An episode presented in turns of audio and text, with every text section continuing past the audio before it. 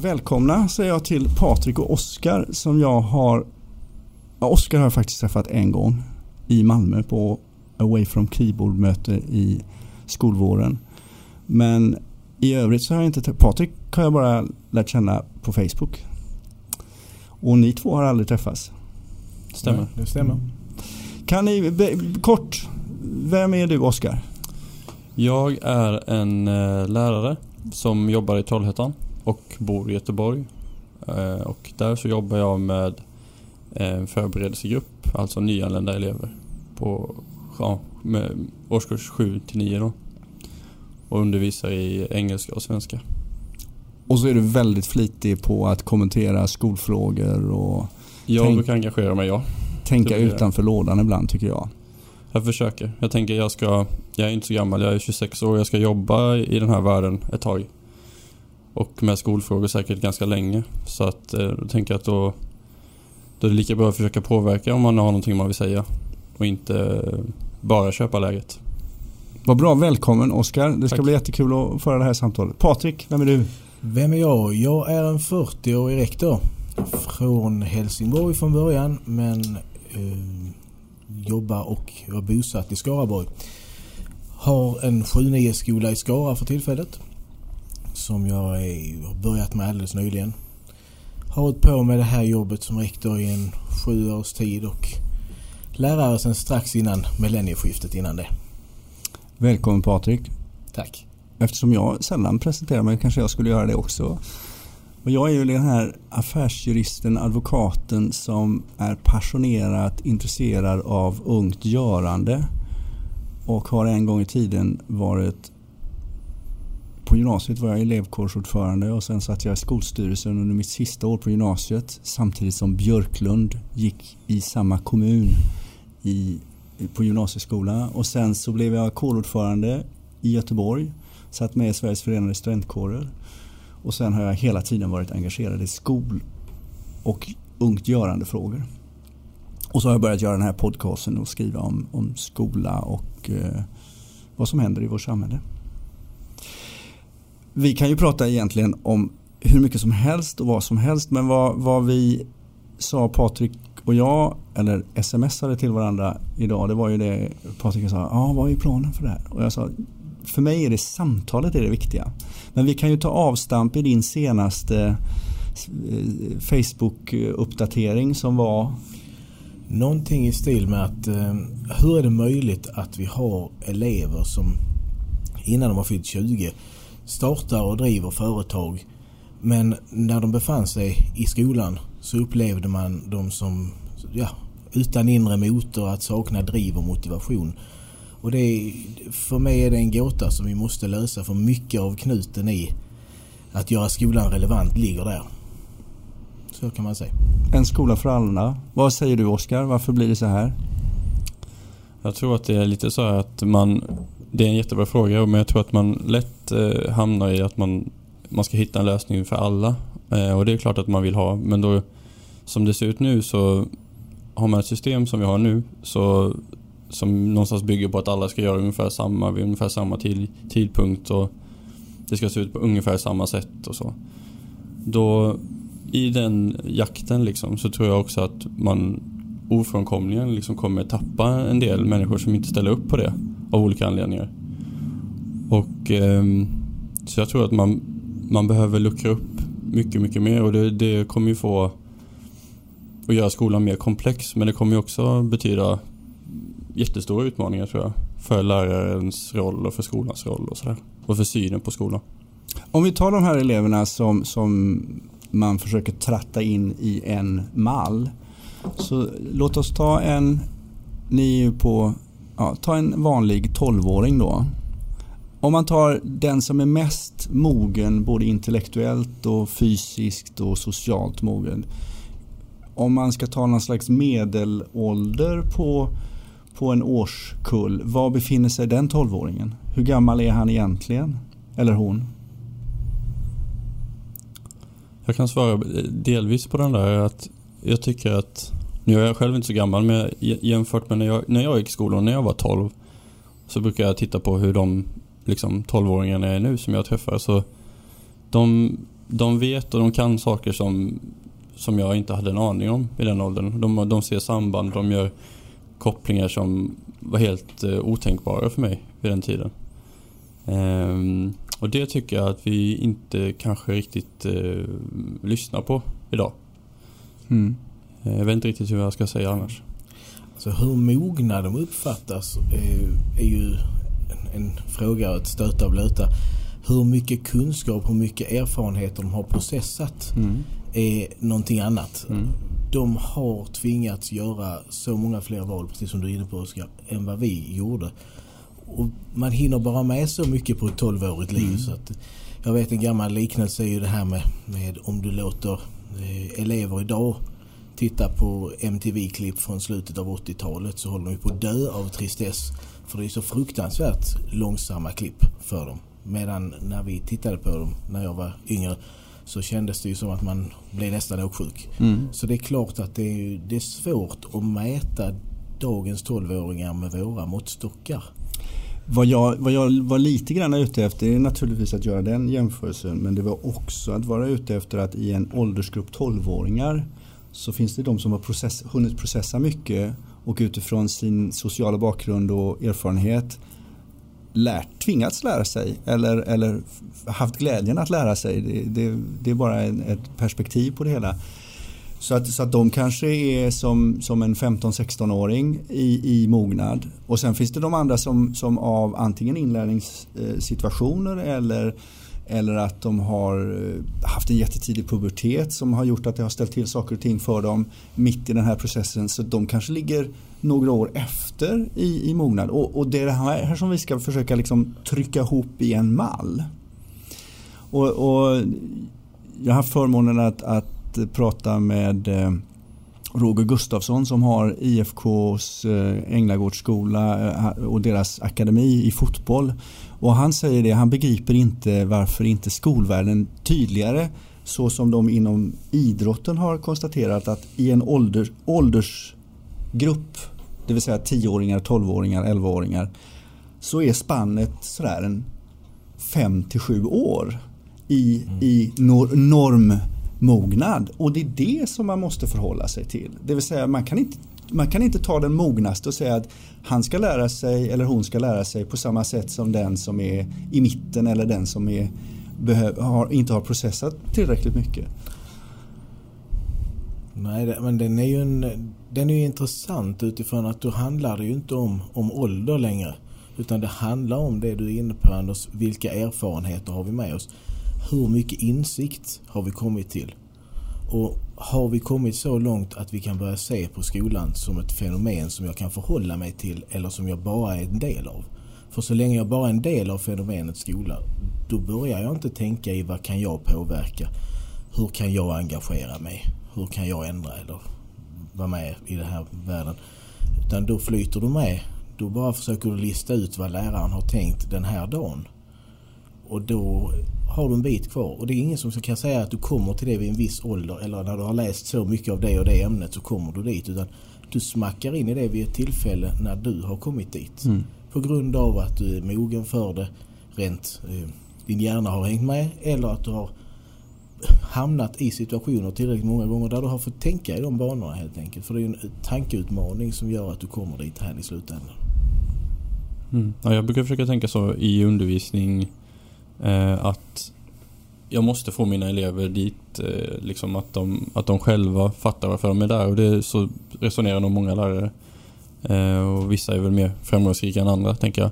Men, men jag tror det bygger mycket på hur mycket har du jobbat med det här, med just de här tankarna. Hur mycket har du jobbat med att ställa den här typen av frågor. Ehm, och då behöver man ibland tror jag kliva av liksom aktivitets och görandetåget och också få ja, få tillsammans med barnen då fundera på varför man är här. Och jag tror att många jag tror att vi väntar med det alldeles för länge. Liksom. Jag tror att man kan börja med det väldigt, väldigt tidigt. Eh, jag, tittar man på vad, vad, vad, man ska lära sig i skolan också så är det en del grejer som känns som att det här har vi lagt in i år årskurs, där ska man göra årskurs 8 eller 9 för att det är då eleverna skulle vara ja, mogna att ta till sig det eller något. Jag vet inte riktigt. Men det, men det jag har märkt, jag brukar försöka testa så här eh, på min lilla syster som är nio år. Saker som, som kommer upp i, som jag vet att skolan undervisar i sjuan, åttan, nian. Det brukar jag testa med henne. Och det slående ofta så, så lär hon sig att förstå de här sambanden ganska, ganska lätt bara man samtalar om dem. Bara man är lugnt och sansat och det inte är fokus på att man ska göra något för att läraren säger att man ska göra det. det men det kommer ju alltid av nyfikenheten från barnet själv liksom. Det, det, det, ja, det är väldigt spännande i alla fall att jobba med. Jag, har ju, jag gjorde en podcast med motivation eh, elever eller ungdomar. Varav Karl som var, är 13 är yngst. Och han dundrar in en högstadieskola, eh, de som går i nian, det vill säga de är mycket äldre än vad han själv är. Och så undervisar han gymnasie naturvetenskapsmatte för dem. Och de tror ju inte att de ska klara av saker och ting. Och när lektionen är slut så har de löst en ekvation eller vad det nu kan vara som han, han föreläser om. Och vad som händer med, det som är så intressant det, det är inte bara det att, att, att, man kan och man får, för det han använder sig av är ju dialog. Han säger inte att det ska vara på det här sättet utan han säger låt oss pröva, se om vi kan misslyckas och utifrån misslyckandet så går vi tillbaka och så lär vi igen tills vi har lärt oss. Men det som händer är ju inte bara det att, att, att man förvånas över att de lär sig. Individen, eleven, får ju någonting ytterligare, nämligen mm. tillförsikt. Mm. Jag kan. Den, den, är ju väldigt intressant. Alltså, det finns ingenting som är så renodlat motivationshöjande hos en elev som att komma på sitt eget lärande när de är minst beredda på det. Det finns en sak som återkommer som nästan alla berättar om sin skolgång när de växer upp. Det är det här tillfället i årskurs 3 när det ska rensas ut bänkar. När man får sina gamla dagböcker från årskurs 1 och bläddra i. Alltså de här skratten, att titta vad jag skrev när jag gick i OK eller kolla som jag stavar här. Jag kunde inte sätta på, jag satte punkt efter varje ord. För det säger någonting om att titta var jag är nu. Jag var här och jag är här nu. Mm. Var, hur ofta kan vi skapa den situationen? Eh, det här med metakognition i skolan är ju så oändligt bra. Har, nu kan jag detta, igår kunde jag bara detta undrar vad jag kommer att kunna imorgon. Mm. Där sitter en stor motivation för våra barn. Mm. Och det måste ju ske i dialog. Alltså för det, det uppstår ju inte om det inte är en dialog. Alltså, och det, det som, som jag har sagt till, till mina barn och framförallt min dotter som har, har kämpar mycket med, med, med skolan. Eh, men, men där jag har sagt att lärandet ligger bortanför provet. Alltså visst, det gick inte så bra på det här provet. Men så åt. Då går vi igenom det och så lär vi oss. Och sen när vi har liksom tagit oss förbi det, ja det är ju då lärandet kommer. Provet är ju bara en mätning här och nu, typ. Men lärandet är ju bortanför provet. Om jag kan förhålla mig till provet och säga så här, nej men, och, och kanske till och med erkänna att, eh, inte i hennes fall då, men, men eh, i min sons fall som har fruktansvärt lätt för sig att Nej, jag fick inte så bra på det här provet därför att jag kanske inte jobbade innan. Jag prövade inte, jag gav mig inte chansen att. Eh, för jag trodde att jag skulle kunna hoppa över och ta genvägarna som jag har klarat mig. Alltså min hjärna har hjälpt mig så jag inte behöver göra arbetet. Nu är det dags att börja jobba. Eh, och då kan det vara en lärdom. Det är ju inte, det är inte en IQ-mässig lärdom utan det är ju en arbetskapacitets livserfarenhetslärdom som han behöver av. Medan min dotter behöver kämpa med att hon är kompetent och kapabel att lita på att hon kan. Mm. mm. Ja, jag, jag, tänker, jag, jag är väldigt eh, tacksam över att jag får jobba med nyanlända elever nu. För vi, vi måste hela tiden tillsammans fånga lärandet när det är ganska långt ifrån eh, kunskapskrav och och så. Eh, vi jobbar ju alltid mot dem men det, många gånger är det väldigt långt dit. Och då måste man ju, jag måste ju framförallt lära mig att hitta deras lärande i, i för det händer ju hela tiden. Eh, och eh, det har varit väldigt givande för mig som lärare att, att vara, då blir man väldigt mer, mycket mer uppmärksam på, på lärande och jag tror att det handlar mycket om det också. Att när vi, när vi tittar på lärande utifrån kunskapskrav bara till exempel eller den måttstocken så så allt som inte är, är liksom uppe till någon viss gräns då, det, det tittar man inte på för man, det är inte intressant kanske. Jag vet inte. Har du ett bra exempel? Varje dag har jag ju det. Men, men det kan ju vara så här små saker som att eh, en elev har knäckt någon grammatisk eh, liksom, struktur. Eh, men det hjälper ju inte, hjälper inte eleven att få ett godkänt betyg i svenska eller engelska. Men det är ju ändå ett, ett stort steg för en elev som kanske bara har bott i Sverige i åtta månader. Ehm, men, eh, men kanske, det kanske är någonting som inte räknas då i andra sammanhang. Så jag jobbar ju med lärande nästan varje dag som inte når upp till eh, ja, godkänt gränsen liksom, eller vad man ska säga. Och det har varit väldigt spännande eh, och ändå kunna motivera eleverna i det. Eh, och det har ju kunnat göra att en del av eleverna eh, når betyg nu i ämnen där kanske inte språket ställer så höga krav utan där det är förmågor och andra kunskaper. Då. Så där vi med hjälp av eh, studiehandledning och anpassade examinationsformer så kan, kan efter kanske ett år bara i Sverige så kan eleverna klara av att eh, nå ganska bra resultat på prov i samhällsekonomi kanske eller sådana saker. Och det är ganska häftigt. Och då, och då, ja, så ja, jag vet inte, man måste försöka hitta, jag tror det är nästan det viktigaste man kan göra som lärare, att alltid se lärandet. Det blir väldigt intressant eftersom du då tar upp språk. Eh, därför att det jag tycker man pratar om att man måste ha ett gemensamt språk och då säger jag oftast nej, man behöver inte ha ett gemensamt språk. Man behöver bygga en dialog.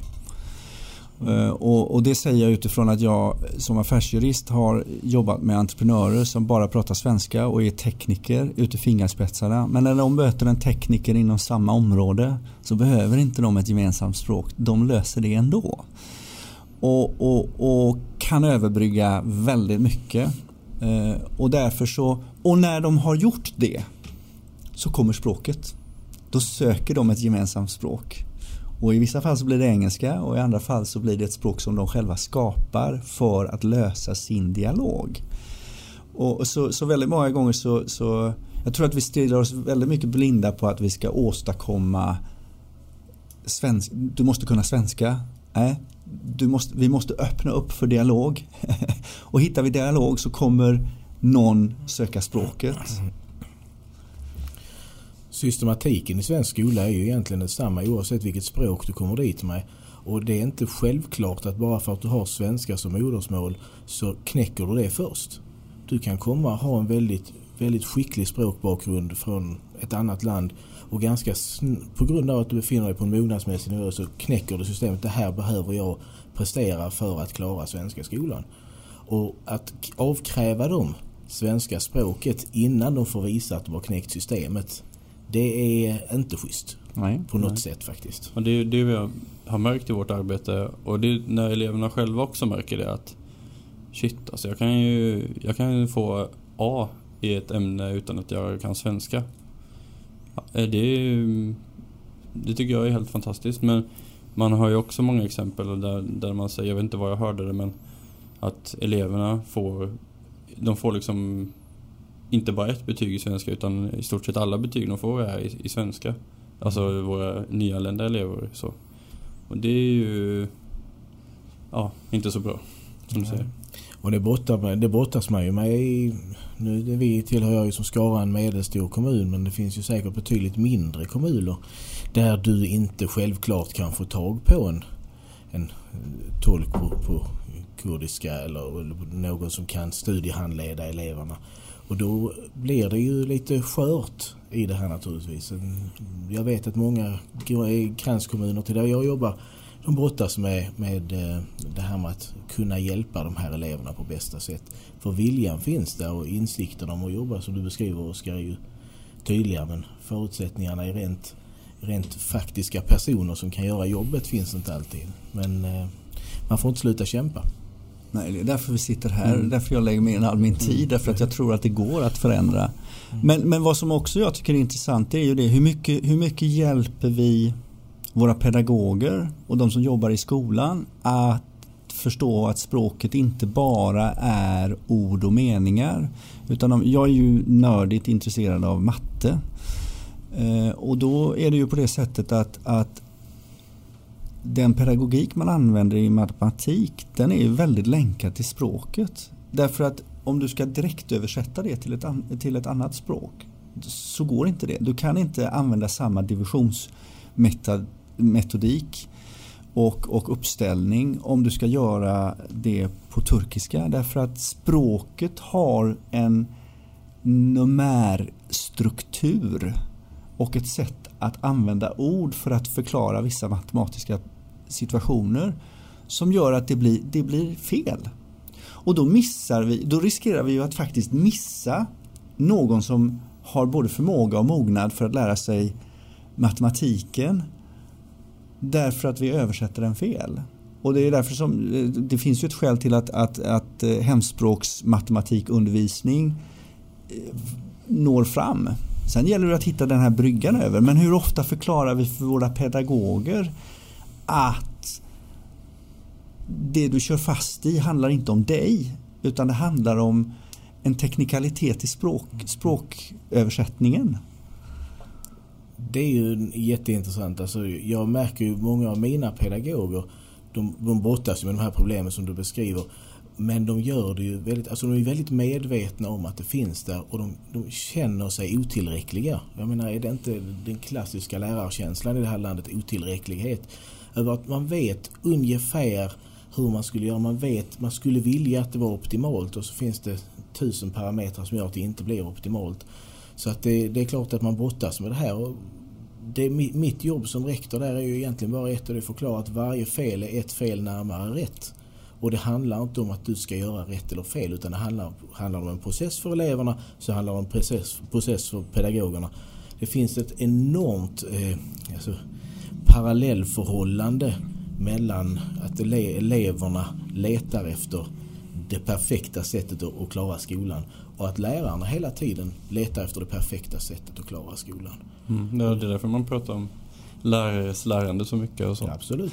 Men jag tänker att skolans utmaningar i stort, eh, sådär, dels för den enskilda läraren och enskilda skolan men liksom på ett samhällsmässigt plan också eh, bottnar mycket i att vi i medvetenheten tror jag just det här att det är så många delar i, i skolan och också runt skolan som, som känner av skolans otillräcklighet kanske.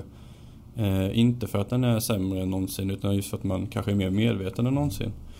Och där tror jag vi har kommit väldigt långt internationellt sett, alltså om man skulle jämföra. Och då, det kan vara en stor del i att, att just klagas så mycket som du gör och att det är så många som hänger med huvudet. Och jag tror att då, då måste man bygga upp det här förtroendet igen och det finns inget annat sätt att göra det än att, än att pröva, pröva om och utveckla det man gör liksom. Och bli, eh, ja, ta, ta, ta tillbaka kontrollen på något sätt. Och då är vi ju egentligen tillbaka till det som vi började på, nämligen vad, hur kommer det sig att vi har de här eleverna som uppenbarligen inte klarar av PISA-kraven? För de får man nästan definiera som en eget krav eh, bortanför vårt betygssystem dessutom. Men, men de klarar inte PISA-kraven, men de startar ett företag före de är 20 och de har drivkraft och de lär sig och de förstår strukturer och, och jag har vi har, jag har gjort en podcast med Nils som var 16 år. Första gången vi träffades var han 12. Han, han driver ett eget företag och, och, designar ett varumärke, ett klädesmärke. Han är 16 år gammal och driver företag idag. Nu fixar han skolan också. Men, men Aron som jag också gjorde en podcast med som kom hit från för vad är det, sex eller åtta år sedan pratar en klockren svenska. Trivs inte i skolan överhuvudtaget. Men, och, och ja, jag tror inte han har alla god, godkänt ens. I, nej, det har han inte. Men bygger en identitet från, som skateboardperson och som sitter i podcasten och säger klokhet efter klokhet efter klokhet vad gäller global ekonomi, miljöfrågor etc. etc. Och så säger man sig, men vad har du lärt dig det här? Han hade en lärare, han, han hade gjort, de skulle göra en sån här um, Pecha Kucha Eh, bildsekvens och berätta om, om, om någonting och så hade han liksom tagit bilder och så förklarade han saker och ting och så hade han gjort det och så sa hans lärare, nej du har fel. För så här är det inte. Och så, sluta här. Och när jag lyssnar på honom så, så tycker jag att, att, att han har dragit fantastiska slutsatser och paralleller och det ekonomiska systemet, pengar är bara påhitt etc. etc. Och då är han, nu är han 18 år men, men när han gjorde det här så var han 16. Och, och då, då undrar man sig vad, vad, det är ju det som du är ute efter Oskar. Att det finns ungdomar som tar till sig och gör saker och det kanske inte syns på resultatet. Och vi är ganska duktiga på att hjälpa ungdomar att göra detta. Men det, det får ingen stjärna i protokollet eller det är ingen som lyfter det såvida du inte, såvida du inte är aktiv inom ett ungdomsparti eller att du är fotbollsspelare eller att du är i den andra strukturen som befrämjar görande.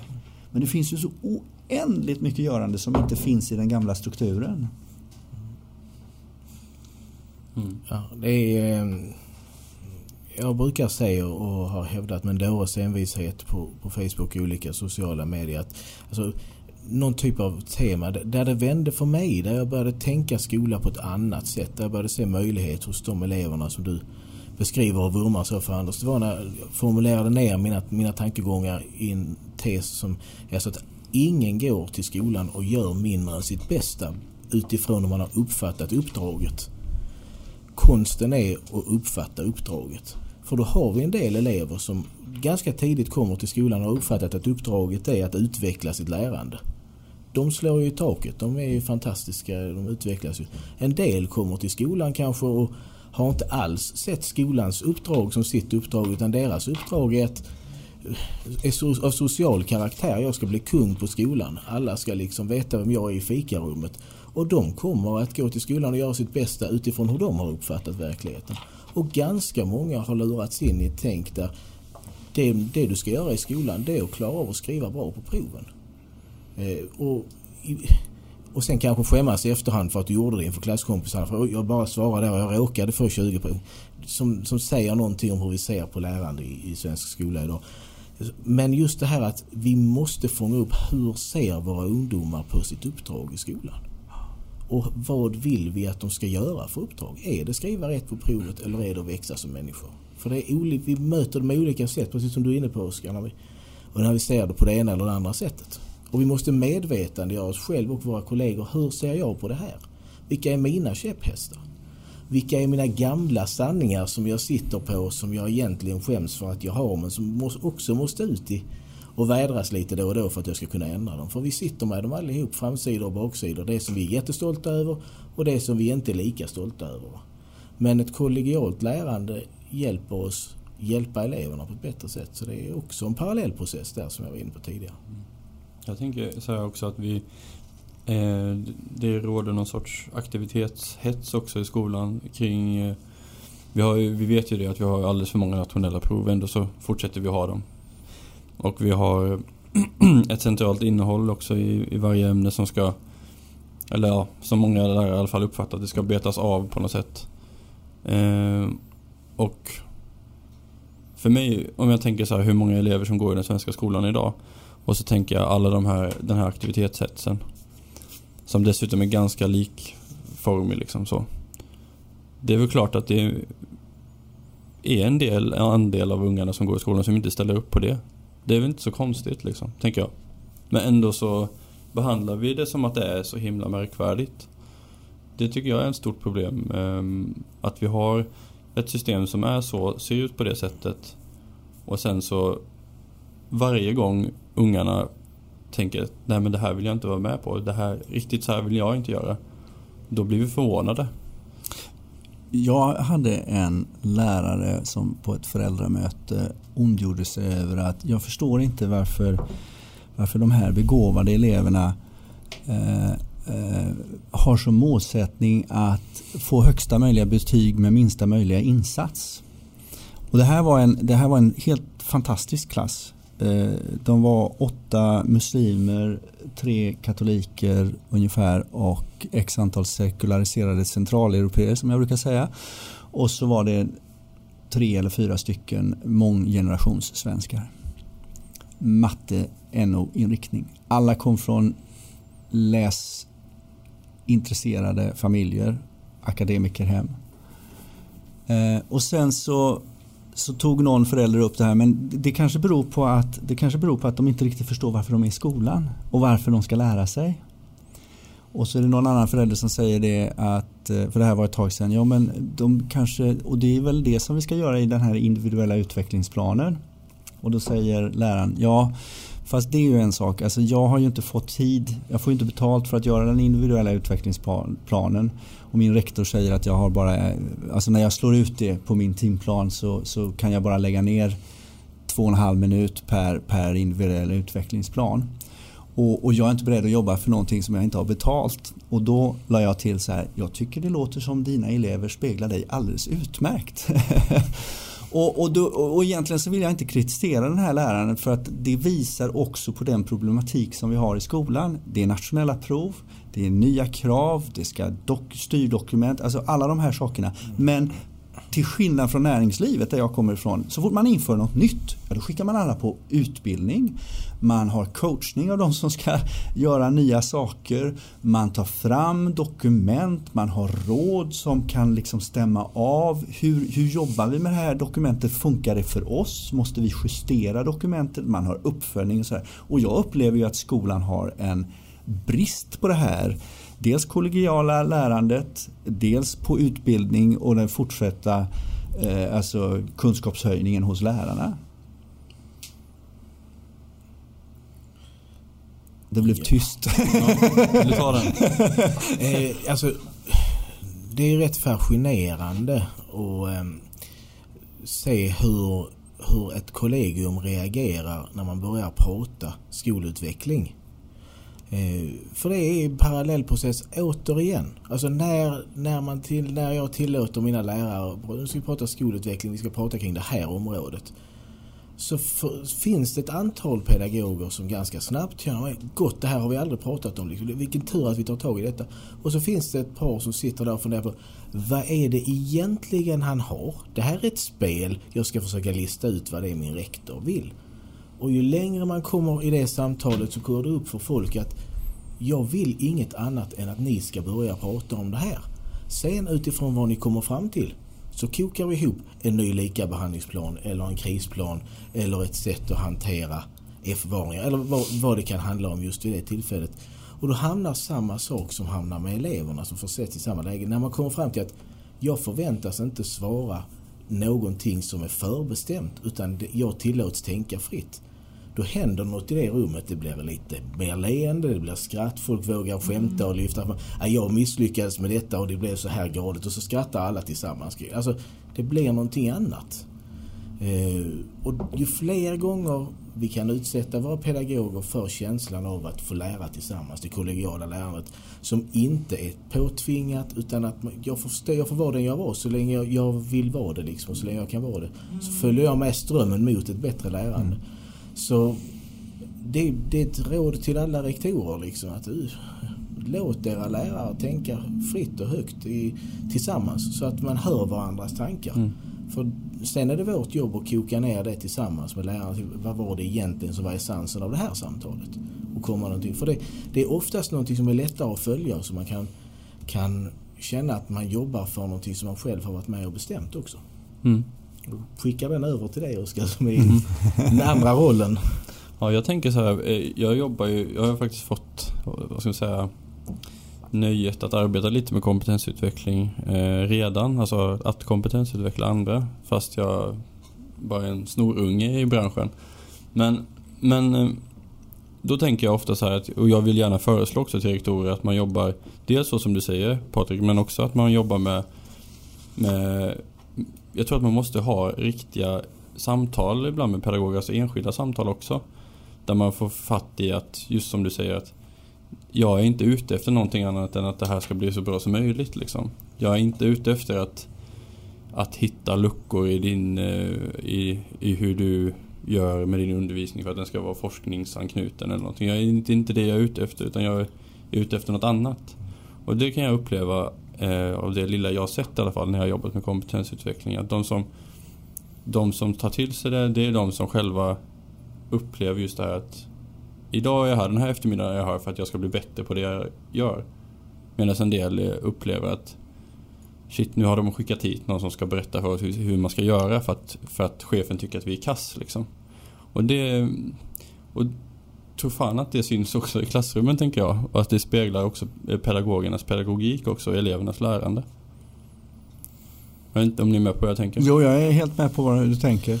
Och det handlar ju om, det handlar ju, och det är ju samma sätt bemötandet mot en elev eller, eller, eller lärare eller skolan utifrån ett politikerperspektiv. Därför att eh, det är jättelätt att kritisera om man sitter utanför. Det är jättelätt att komma med pekpinnar och säga så här borde du ha gjort i efterhand. Ja men nu gjorde ju inte jag det därför att jag befann mig i den här situationen och, och de arbetsredskapen som jag hade där och då då gjorde jag det bästa möjliga av situationen.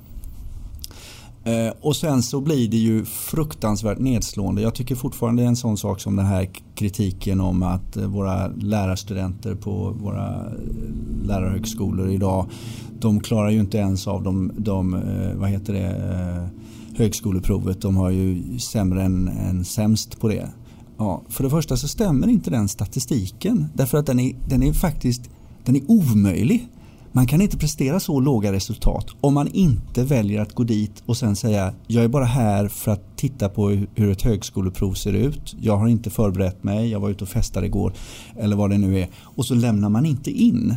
Då får man så låga som 0,2 eller vad det är. Man kan inte ens aktivt försöka få 0,2 för man kommer att misslyckas med det. Men det är ingen som säger det utan man låter det här bli till någon slags sanning. Och det tycker jag är rent oförskämt faktiskt mot en lärarkår. Och sen kan man inte säga att, att våra lärarstudenter är, är kassa därför att Ja, det kan man säga om man liksom kunde gå ut och köpa en ny batch med lärarstudenter. Vi har de lärarstudenter som vi har. Vi har de lärarna som vi har. Mm. Det är vår, det är samhällets förbannade skyldighet, politiker, föräldrar, näringsliv, att göra det bästa möjliga utav det.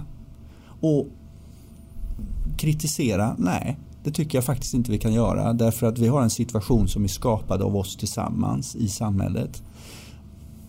Och nu har vi de här lärarna, då gör vi det bästa möjliga mm. och då får vi göra insatser. Det handlar om att coacha och sen om man är förälder och ser någonting i skolan eller i klassrum så är det min förbaskade skyldighet att ta ansvar för det. Inte att vända upp och ner på och göra det till, till eh, tabloidlöpsedel eh, utan att bidra positivt till att förändra situationen. Sen mm. kan det vara att, att jag har sett att, att det är en social struktur som skapar mobbing eller någonting. Eller att jag som är mattenörd kan, kan när jag följer med mitt barn på, på lågstadiet se att det finns en elev där borta som jag ser skulle behöva det här stödet och så kan jag sticka till läraren lite material som jag känner eller säga har du funderat på att den här eleven skulle nog behöva vända på kuttingen och se det på det här perspektivet. Och om vi alla hjälper till på det sättet så skulle vi göra det så väsentligt mycket bättre. Mm. Och inte säger du har fel, du borde göra så här. Utan säga så här, jag har ett tips till dig. Mm. Varsågod, du behöver inte göra något. Men här är det. Det är, en, det är en väldigt intressant, en väldigt stark form av stöd och hjälp. För, dem, alltså, för det finns ju pedagoger som, som kämpar. I, och, och som går till jobb och, och Jag vill påstå att alla pedagoger kämpar för att göra ett jättebra jobb exakt. varje alltså, dag. Vissa, vissa kommer på sig själv med att de, alltså, de får inte till det. Den här gamla, det här gamla skämtet med att de, de tycker att alla andra får de bra klasserna och jag får alltid de dåliga klasserna. Tur, har tur att få det i klasser och så, men tur får man inte och så vidare. Alltså, jag försöker ju, och detta är bara min mitt sätt att arbeta och jag försöker även förmedla till mina pedagoger att de, så de vet om det för det är ingen hemlighet och hokus pokus. Men jag jobbar med något som jag kallar för inympning. Om jag har en tanke på var vi är på väg i skolan så är det inte så att jag dundrar in och säger det liksom måndag morgon utan tre, två, tre veckor innan så är fikarummet som är en av skolans absolut viktigaste platser så börjar man prata lite grann. Vore det inte häftigt om vi gjorde så här eller har ni kollat den boken eller och det tar i början så är det ingen som bryr sig om det. Liksom, ja, nej, den, den har vi inte läst. Och så. Och sen tre veckor senare så börjar man presentera den här boken. Och så. Efter ett tag kommer folk på att okej, okay, vi fångar upp de här små signalerna som rektor har. Så, kan, så har vi liksom listat ut var mm. han är på väg. Och, det, och så känner man att man har listat ut rektor så är man jättenöjd kanske. Lite om man raljerar. Men målsättningen är att de ska lista ut så att alla pedagoger kan känna att jag sitter i förarsätet på den resan som vi gör tillsammans. Jag vet vad som kommer att hända. Jag behöver inte vara rädd för att bli inkallad som du beskriver Oskar på ett rum. För jag vet ungefär vad det samtalet kommer att handla om innan.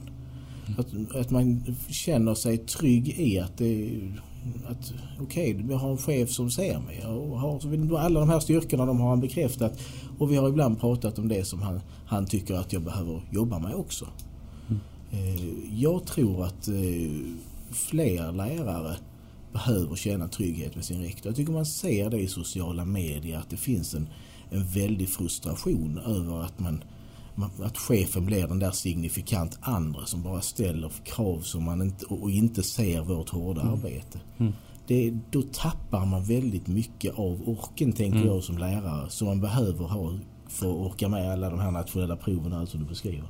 Jag tänker också så här att eh, just för att lärares lärande speglar alltså också vad som händer i klassrummet så tänker jag att vi vill vi ha en skola där och där jag också tror att vi måste ha en skola som bygger i mycket högre utsträckning på elevens inre motivation. Man kan prata om det mycket och det låter fint och sådär men det är, det är skitviktigt liksom. Eh, så måste också lära, lärarnas lärande bygga på det. Och eh, jag har funderat jättemycket på det. Eh, hur, hur, hur, hur kommer det sig att vi jobbar med kompetensutveckling? Eller många i alla fall upplever att kompetensutveckling är någonting som man jobbar med på skolan som ett krav ovanifrån. Eh, hur, hur kan man tro då att det ska ge någon större effekt? Liksom, det ger ju bara effekt när läraren själv känner att, som du säger, nu sitter jag i förarsätet här. Jag tar till mig det här för att jag behöver det. Eh, jag kanske införlivar det i min nästa lektionsplanering och då blir det inte mer arbete utan det blir liksom Det blir en sån här eh, Vad ska man säga ja, det, det, det, går ihop liksom på ett bra sätt utan att känna som att det här blir något extra. Eller som att det här är något som chefen bara tycker. Eh, det är jättetydligt tycker jag att eh, det är precis då det händer någonting också ute i klassrummen. Eh, så att eh, om, om det är någon sorts systemfel eller om det är bara att, det, att vi lever i andra tider och så tillvida att eh, lärande liksom i, här i Sverige 2014 ställer andra krav. Liksom. Jag vet inte. Det är intressant att tänka på. Mm, jag Ja, jag vet inte riktigt vad vi ska ta vägen med det här. Jag känner att om vi hakar på det här så kan vi fortsätta några timmar till och jag vet att Oskar ska vidare. Men låt oss försöka. Jag skulle vilja, jag skulle vilja ta det, reflektera kring det och säga det att ja, den skola som vi har idag den är grundad från en, en väldigt reaktionär tanke på mitten av 1800-talet. Det var reaktionärt där och då. Det var jättemånga som sa nej det går inte. Man kan inte utbilda de lägre klasserna i, i, i, i akademi, akademisk tänk och så vidare. Och det var väldigt reaktionärt att säga att vi ska lära oss språk, vi ska lära oss matematik och vi ska ägna oss åt teckning. Alltså varför införde man teckning på schemat? Jo, därför att vi hade en teknik, teknikutveckling i det här landet som krävde att det räckte inte med språk i form av mattespråket eller det vanliga språket utan det krävdes också någon som kunde tredimensionellt projicera och visa i ritningar saker och ting. Nu har vi en utveckling som har tagit oss väldigt långt. Oskar, du har beskrivit att ungdomarna idag har en mognadgrad inom vissa områden och har förstått väldigt mycket mer än vad ens din generation, jag höll på att säga din och min generation, men jag är äldst här, det är ju pinsamt. men jag känner mig väldigt många gånger ung. Alltså, de, de ungar som går Ungdomar och barn som går i skolan idag, grundskolan och gymnasieskolan, det är nu hela vägen ut den generationen som inte vet vad ett kassettband är. Och de alla de, och de som är 20 de vet vad ett kassettband är, men de som är 18 börjar inte veta vad ett kassettband är. Det är den nya generationen fullt ut. Och de har en kunskap om saker och ting och en förståelse som är så avlägsen från mig som är 50 plus och även de som är 25-30 år. Så att man måste, man, man måste vara ödmjuk som lärare därför att de pratar ett annat språk. De har ett annat perspektiv.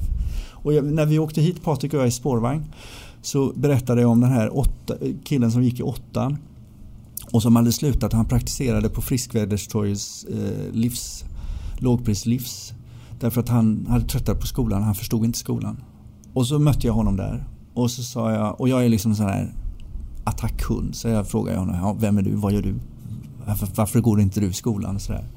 och när jag förstod att han inte gillade skolan och, och hade blivit, fick praktisera för att sysselsättas, för det är nog det det handlar om. Så sa jag så här, men vad är du intresserad av? Vad kan få dig att vakna klockan fem på morgonen och säga jippi? Ja, spel. Mm, Tv-spel. Bra, intressant. Vilket sedermera fick mig att göra en podcast om tv-spel för jag kan inget av det. Men jag frågade honom så här, vad i tv-spel skulle du vilja syssla med? Ja, animering och, och 3D-animation. Okej. Okay. Vad spelar du för spel? Ja, World of Warcraft. Okej. Okay. När du ska ut på, vad heter det, när man ska ut på ett quest eller så, man, ska, man ska ta sig in på nästa nivå, level, sådär. Så måste man plocka ihop lite redskap för att ta sig in eller öppna den hemliga gången eller något sånt där. Okej. Okay. Och du vill ta dig upp på nästa nivå för du vill göra 3D-animering. Nu, nu måste du göra de här questen. Du måste gå ut och hämta redskapen och de heter svenska, de heter matematik, de heter si och så. Det Tycker du att det är kul att göra quest i World of Warcraft? Nej, det tycker jag inte. Men jag måste ju. Okej, okay. så är det med skolan också. Det är det det handlar om. Så vad gör du av den här informationen nu? Jag får gå tillbaka till skolan. Ja. Hur skulle det vara om du tar ett möte med din lärare och säger jag ska börja lära mig skolan, vilket han sedermera gjorde. Men precis efter vi hade haft det här samtalet så frågade den här mannen han praktiserade hos. Så sa han, men det här har vi försökt att tala om för dig tidigare. Och då säger han så här, nej det är ingen som har talat om det här för mig utifrån mitt perspektiv. Mm. Det är ingen som har förklarat verkligheten utifrån vad jag står. Mm. Och det är det jag upplever att vi, våra unga idag mm. hamnar i. Därför att de har en verklighet som är så väsentligt avlägsen från en, en som är född på 60-talets verklighet. Fast det är inte bara så enkelt tänker jag. Jag tänker också att jag, möter, jag pratar mycket med lärare i min ålder och lärarstudenter i min ålder. Eh, och, och märker att fast de kanske egentligen inte vill och fast de själva inte ens har den liksom, uppsättningen eh, värderingar eller sådär. De har inte den förståelsen av världen egentligen som man hade kanske några generationer tillbaka eller så. Men de, men de är ändå de har ändå på något sätt fallit in i det här eftersom skolan är så stor och så eh, den reproducerar sig själv på något sätt. Så, så att många som kommer ut och är lika gamla som jag ska jobba vet någonstans i sitt privatliv att världen fungerar så här men när man kommer till skolan så fungerar den inte så. Men jag försöker se det som att det, varför skulle den, skolan inte kunna fungera mer så som du beskriver det Anders? Det... Fast, fast det här är ju jätteintressant därför att det finns bara liv och kultur. Det är de enda sakerna som reproducerar sig. Kultur reproducerar sig precis som liv. Och det, alla som är lärare vet det. Alltså bara för att man har haft sommarlov eller för att man har haft en temavecka så förändrar det inte allt. Utan man måste långsamt förändra. Därför att om du har en 02 och, och två killarna i tvåan styr och härskar så kan du ha på våren ett, ett samtal om det här. Och när de killarna i tvåan slutar så kommer de poppa upp i nästa årskurs. Därför att det är en kultur och den reproducerar sig. Så då måste man, och det, det, är ju precis, även när du då beskriver dina jämnåriga som är lärare, så kommer de in i en kultur. Skolan är en strukturell kultur som reproducerar sina gamla mönster.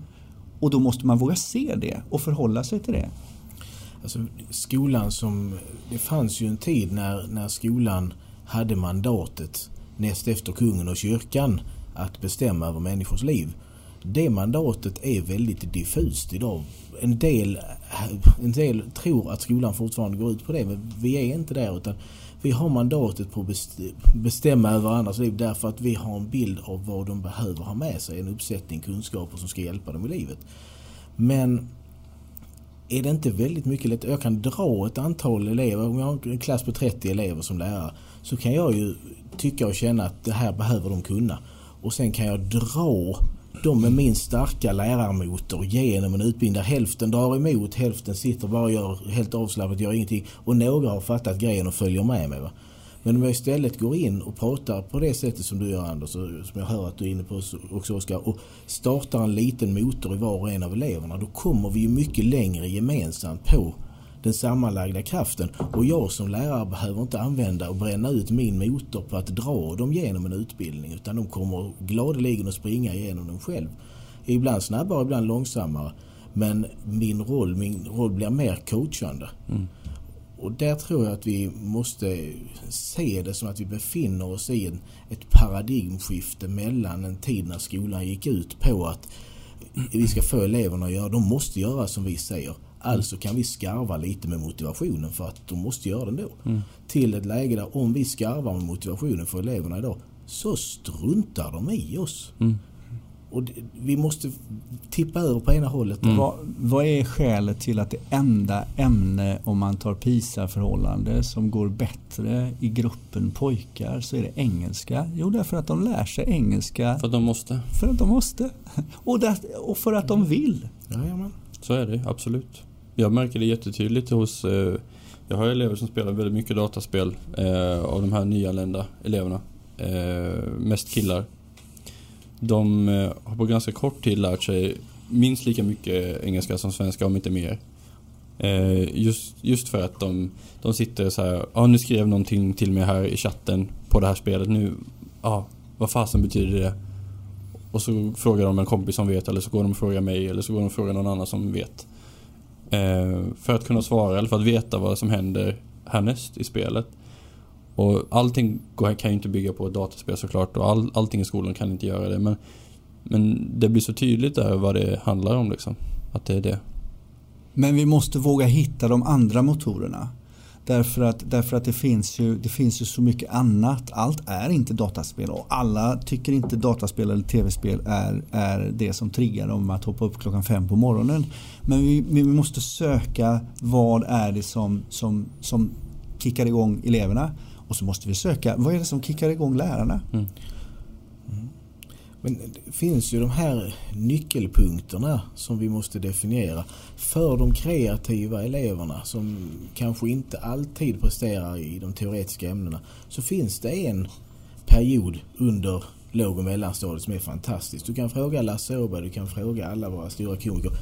Det var roliga timmen. Mm. Där, var jag, där fick jag, det var roliga timmen på fredagarna. Alltid sist på fredagar så fick man stiga upp och då kunde man komma ur sängen ordentligt för då, då, fick, då fick jag syssla med vad jag tyckte var kul. Jag fick andra att skratta eller jag fick göra någonting. Tänk om vi hade mer av det här eh, i USA är man duktiga på det, till exempel det här eh, att man får ta med saker och berätta på en helt annan utsträckning. Men inte bara få berättarstenen som man visar upp sin nalle på förskolan och sen så är det liksom färdigt som en, som en social del utan faktiskt, för sen fortsätter man ju det med, med speech och debate och så kommer man in i ett sätt där man får lära sig inte bara att det jag brinner för är viktigt utan även hur jag säljer in det till andra. Mm. Det är en intressant väg som den svenska skolan inte har gått än i alla fall. Mm. Ja, jag brukar tänka så. Eh, eh, ett av de bästa exemplen för mig i alla fall så här, det är när man pratar med elever och så kan man titta på lite exempel på, på saker som sprids på nätet fort och så här, För det går ju liksom rätt in i deras värld på något sätt. Eh, och så kan man ställa den frågan, hur vet ni att det är sant det här? Eh, som alla sprider runt på Facebook och så här då. Och så säger någon då sen, ja men det visade sig att det inte var sant.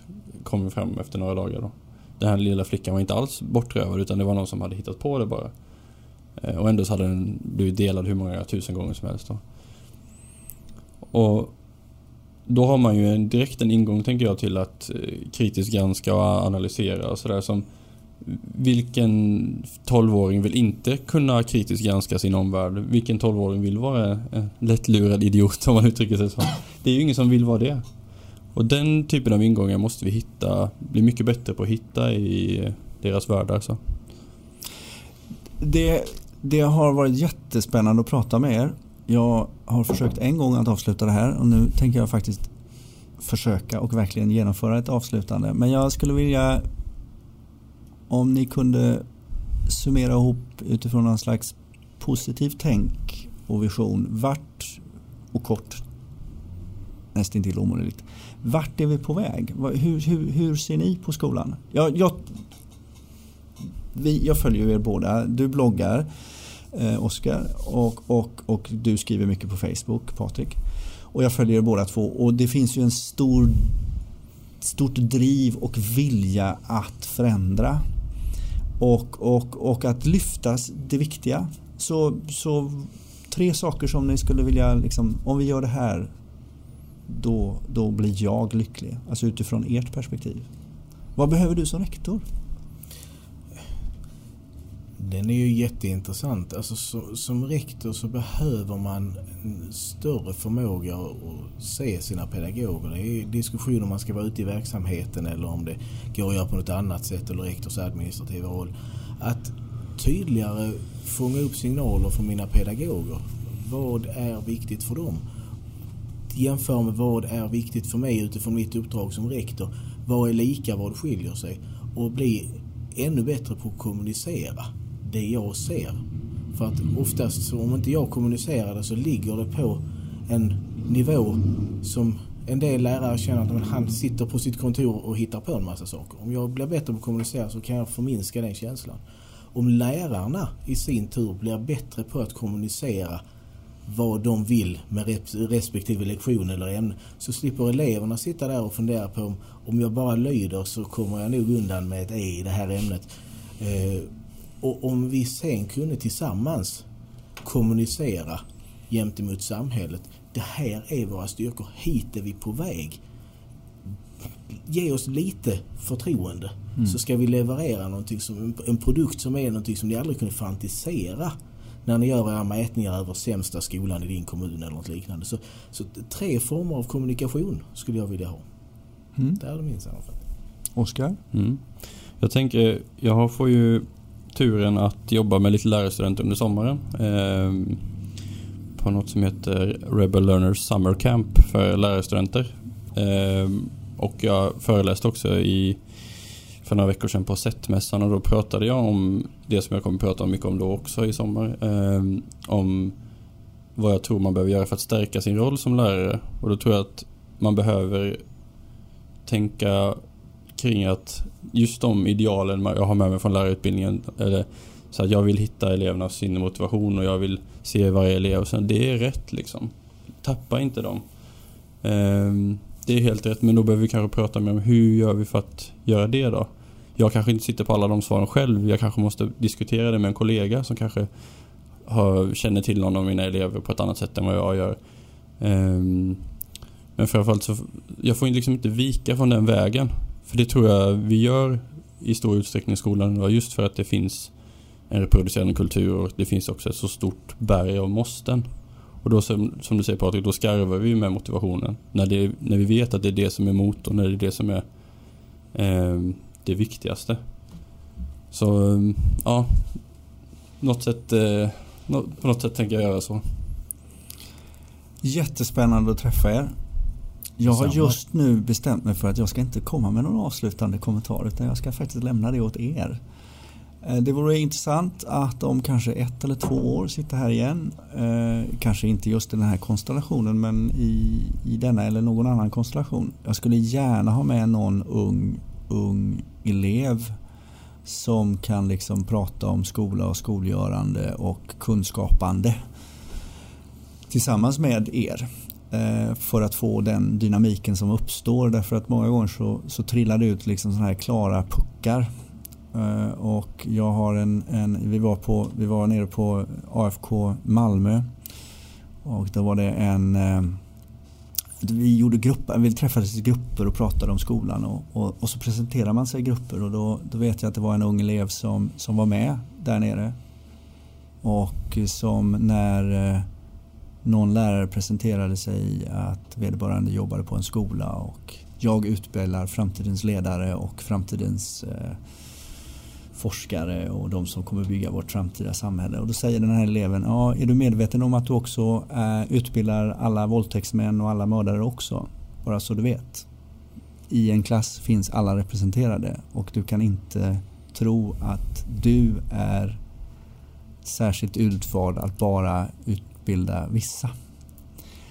Och det, såna, det blir ju som en stor kall vatt, hink vatten så. Men, men det finns oftast i ungas kommentarer och reflektioner sådana här väldigt tydliga exempel. Stort tack! Tack själv. Tack själv.